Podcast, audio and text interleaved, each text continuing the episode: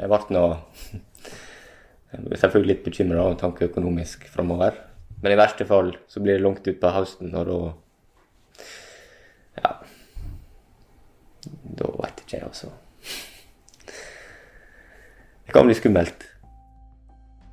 Det er 75 eh, år siden arbeidsledigheten i Norge var så høy som den har vært de siste månedene. Nesten 14 eh, av de som kan jobbe i Norge er nå registrert som arbeidssøkere hos Nav. Masse folk som har lån til hus og hjem og sånt.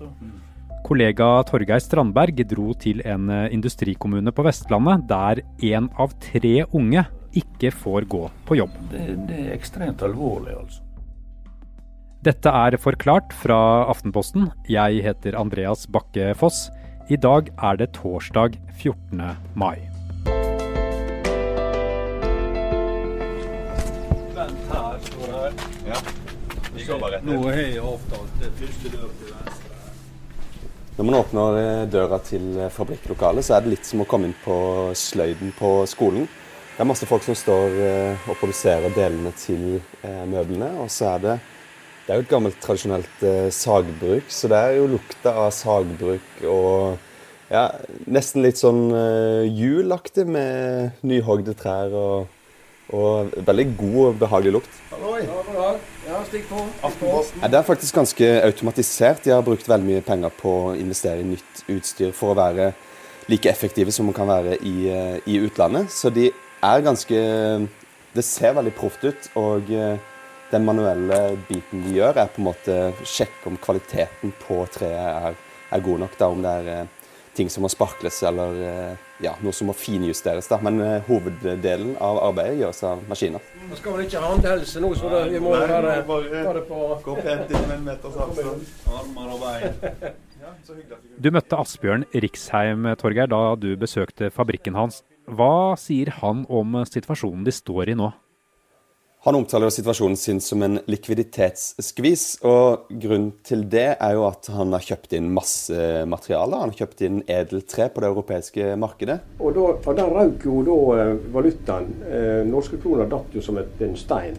Og når han har tatt inn et stort parti med tre, og plutselig ordrene fra Ekornes, når ordrene fra LK Gjelle eller de andre møbelprodusentene stopper opp, så blir han sittende med kjempemye tre uten at han får det ut i markedet. Og Det gjorde at jeg måtte, jeg måtte bremse ned det som måtte bremses ned. da. For det er mye av det må jeg betale på forskudd. LP Riksheim er en av flere bedrifter som bidrar i møbelproduksjonen i Sykkylven på Sunnmøre. De leverer tredeler til stoler som lages hos bl.a. Ekornes noen kilometer unna. Mange av de jeg snakka med der oppe, eh, bruker uttrykket at bedriftene bedriften er på en måte satt opp som eh, dominorekke. Og med det så menes jo at hvis du velter over den ene, så faller også den neste. Og grunnen til det er at vi gjennom tiår i Sykkylven så har f.eks. en fabrikk levert til den andre, som gjør at hvis du har et sluttprodukt som er en stol, ikke sant? og der har man masse bedrifter rundt om i bygda som enten lager tredeler, sånn som på LP Riksheim, eller så er det sånn helt kjempesmå detaljer. Man har en egen fabrikk som leverer plastdelene til stressless-stolene. Man har en bedrift som leverer papp. Og ikke sant? Når en av disse bitene her faller fra, så forplanter hele den skaden seg, hele den eh, næringskjeden, som gjør at bedriftene på mange måter blir eh, lina opp som eh, en dominorekke. da. Hvis du ser eh, bort fra typiske turistkommuner, så ligger Sykkylven i toppen på lista over kommuner med høy arbeidsledighet. Nesten tre av ti mellom 15 og 29 år går ikke på jobb nå. I Sykkylven er det jo ekstremt mange som jobber i industrien. Ta f.eks. Ekornes-fabrikken. Der er det 1000 ansatte, og samtlige ble permittert. Så det er jo klart at når man har en bygd med 8000 innbyggere rundt omkring, så blir det ganske store utslag. En av de som er permittert i kommunen, er 30 år gamle Christian Tynes. Du får lufta tankene dine litt når du er ute og går sånn som dette her, da. Det er mest når jeg blir sittende i ro og ikke har så veldig mye annet å gjøre på. Det er da jeg begynner å tenke på hvordan det skal gå og hva, hvor lang tid det går. Og Kristian har jobba på Ekornes hele sitt arbeidsliv. At det kommer seg ut og tankene litt vekk fra situasjonen. Han er eh, ganske normal 30-åring. Liker å spille fotball på fritida. Bruker eh, mye tid på å gå på fjellet og er interessert i jakt. Og eh, sitter i en ganske vanskelig situasjon akkurat nå. Han har ikke vært på jobb på over én måned. Jeg ble nå selvfølgelig litt bekymra og tanke økonomisk framover, selvfølgelig. Men vi må bare gjøre det beste ut av det. sånn sett. Nå har Kristian vært eh, permittert sammen med alle andre som jobber på Ekornes den siste måneden. Og det gjør at han nå må over på dagpenger. Jeg er litt spent, egentlig. For akkurat nå, sånn som det er nå, så går det fint. Neste måned sikkert går sikkert fint. Før jeg begynner å merke at eh, det blir mindre på konto for Kristian, som har en kone som har begynt å studere igjen, han har et boliglån som må betales, så er det selvfølgelig en veldig vanskelig situasjon. Men eh, jeg håper selvfølgelig at det skal bedre seg, da. Mm. I hvert fall over sommeren. Ja. Det skal vel gå fint fram til sommeren, men går det lenger, så går det nok. Kan det bli stramt. Men i verste fall så blir det langt utpå høsten, og da Ja. Da veit ikke jeg, altså. Det kan bli skummelt. Og så er det også det at eh, for hans del så er det jo Han har jo lite ansiennitet, ikke sant. Det er mange som har jobba på fabrikken der i mange, mange år. Som gjør at hvis det på en måte går så langt at det blir oppsigelse, så frykter han også at uh, han er en av de første som, som uh, ryker i den runden. Og for sykkylvens del sånn totalt sett, så er det også et uh, spørsmål om hvis det forsvinner en masse arbeidsplasser nå, kommer de noensinne tilbake? Vi er straks tilbake. Da Norge ble stengt ned 12.3, gikk mange bedrifter fra full drift til nulldrift nærmest over natten. Da finansminister Jan Tore Sanner la frem revidert nasjonalbudsjett denne uken, så var arbeidsledighet et viktig tema. Permitteringstallene skjøt i været, og i løpet av én måned steg den registrerte ledigheten til et nivå vi ikke har sett på 75 år. 75 år er lenge. Og for å skjønne hvor dramatisk endringen i ledigheten har vært de siste to månedene, kan vi se på grafen som viser nettopp antall ledige på arbeidsmarkedet. De første ti ukene i år så er den blå streken nesten helt vannrett på 100 000 personer så er det som om du møter en nesten loddrett vegg i uke 11, som går rett oppover. Den veggen er like bratt i uke 12 og 13. Men nå har den blå vannrette streken flatet ut på litt under 400 000 mennesker. Det er, som Thomas Spence, politisk journalist i Aftenposten sier, svært uvanlig kost for Norge. Det er aldri slik at det er null arbeidsledighet i det norske samfunn. Det er alltid noen som vil være på vei fra en jobb til en annen. Det er vel noen som har litt behov for lengre tid for å finne seg en ny jobb, og det er noen som dessverre er utenfor arbeidsmarkedet i lengre tid. Så vi snakker gjerne om, om en normal arbeidsledighet på 50 60 70 000 personer. Slik har det vært i Norge i en god del år nå. Arbeidsledigheten i Norge består av de som er helt ledige, de som er delvis ledige, og de som går på ulike arbeidsmarkedstiltak for å få hjelp til å komme i jobb, f.eks. arbeidstrening.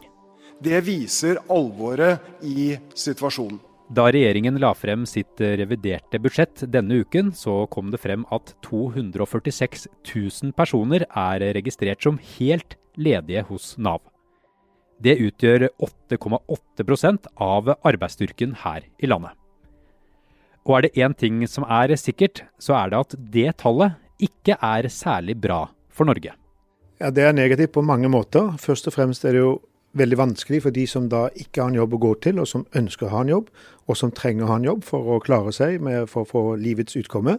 Eh, så fører det selvfølgelig til en umiddelbar nedgang eller stans i deler av verdiskapningen ved at folk ikke går på fabrikken, ikke går i mediehuset, ikke går på på verkstedet og produserer varer som skal selges, og skape verdiskapning som bl.a. skal brukes til offentlig sektor, og helse, og skole og barnehage etc.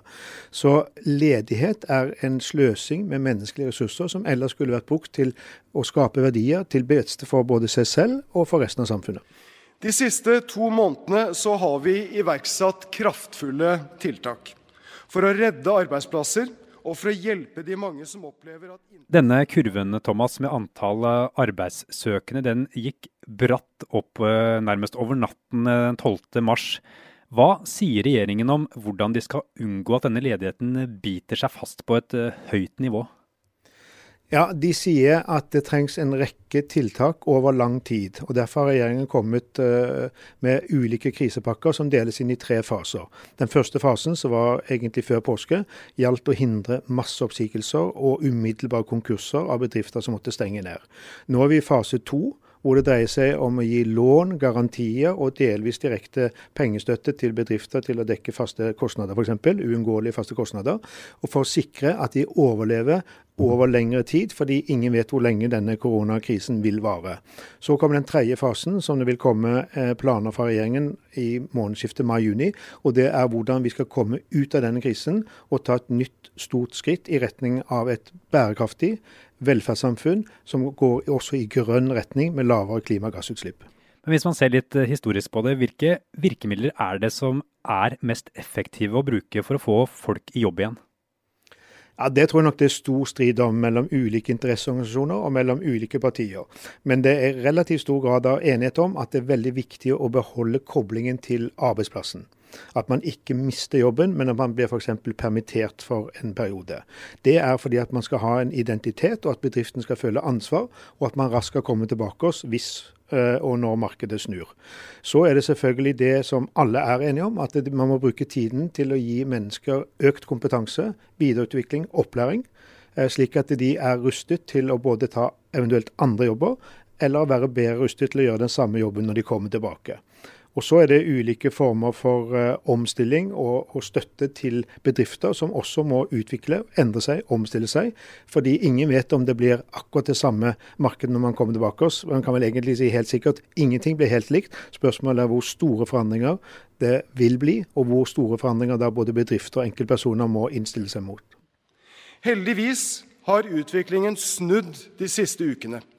En del av de som ble permittert, er nå helt eller delvis tilbake i jobb, og det kommer færre nye permitteringer.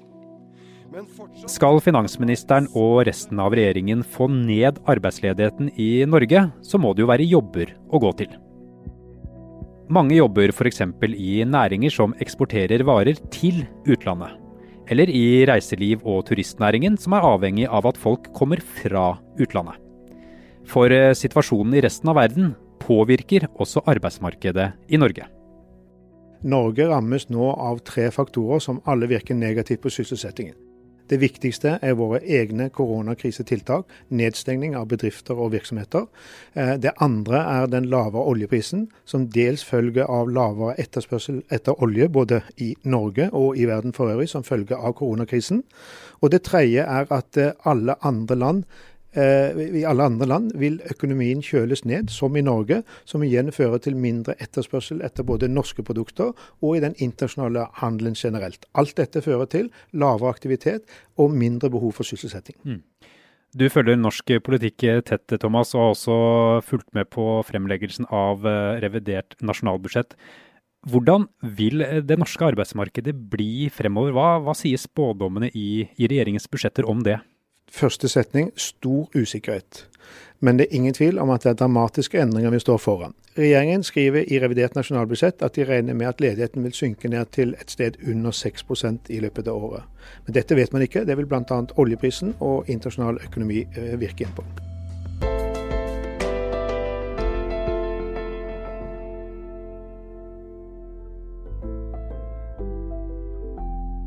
Forklart lages av Caroline Fossland.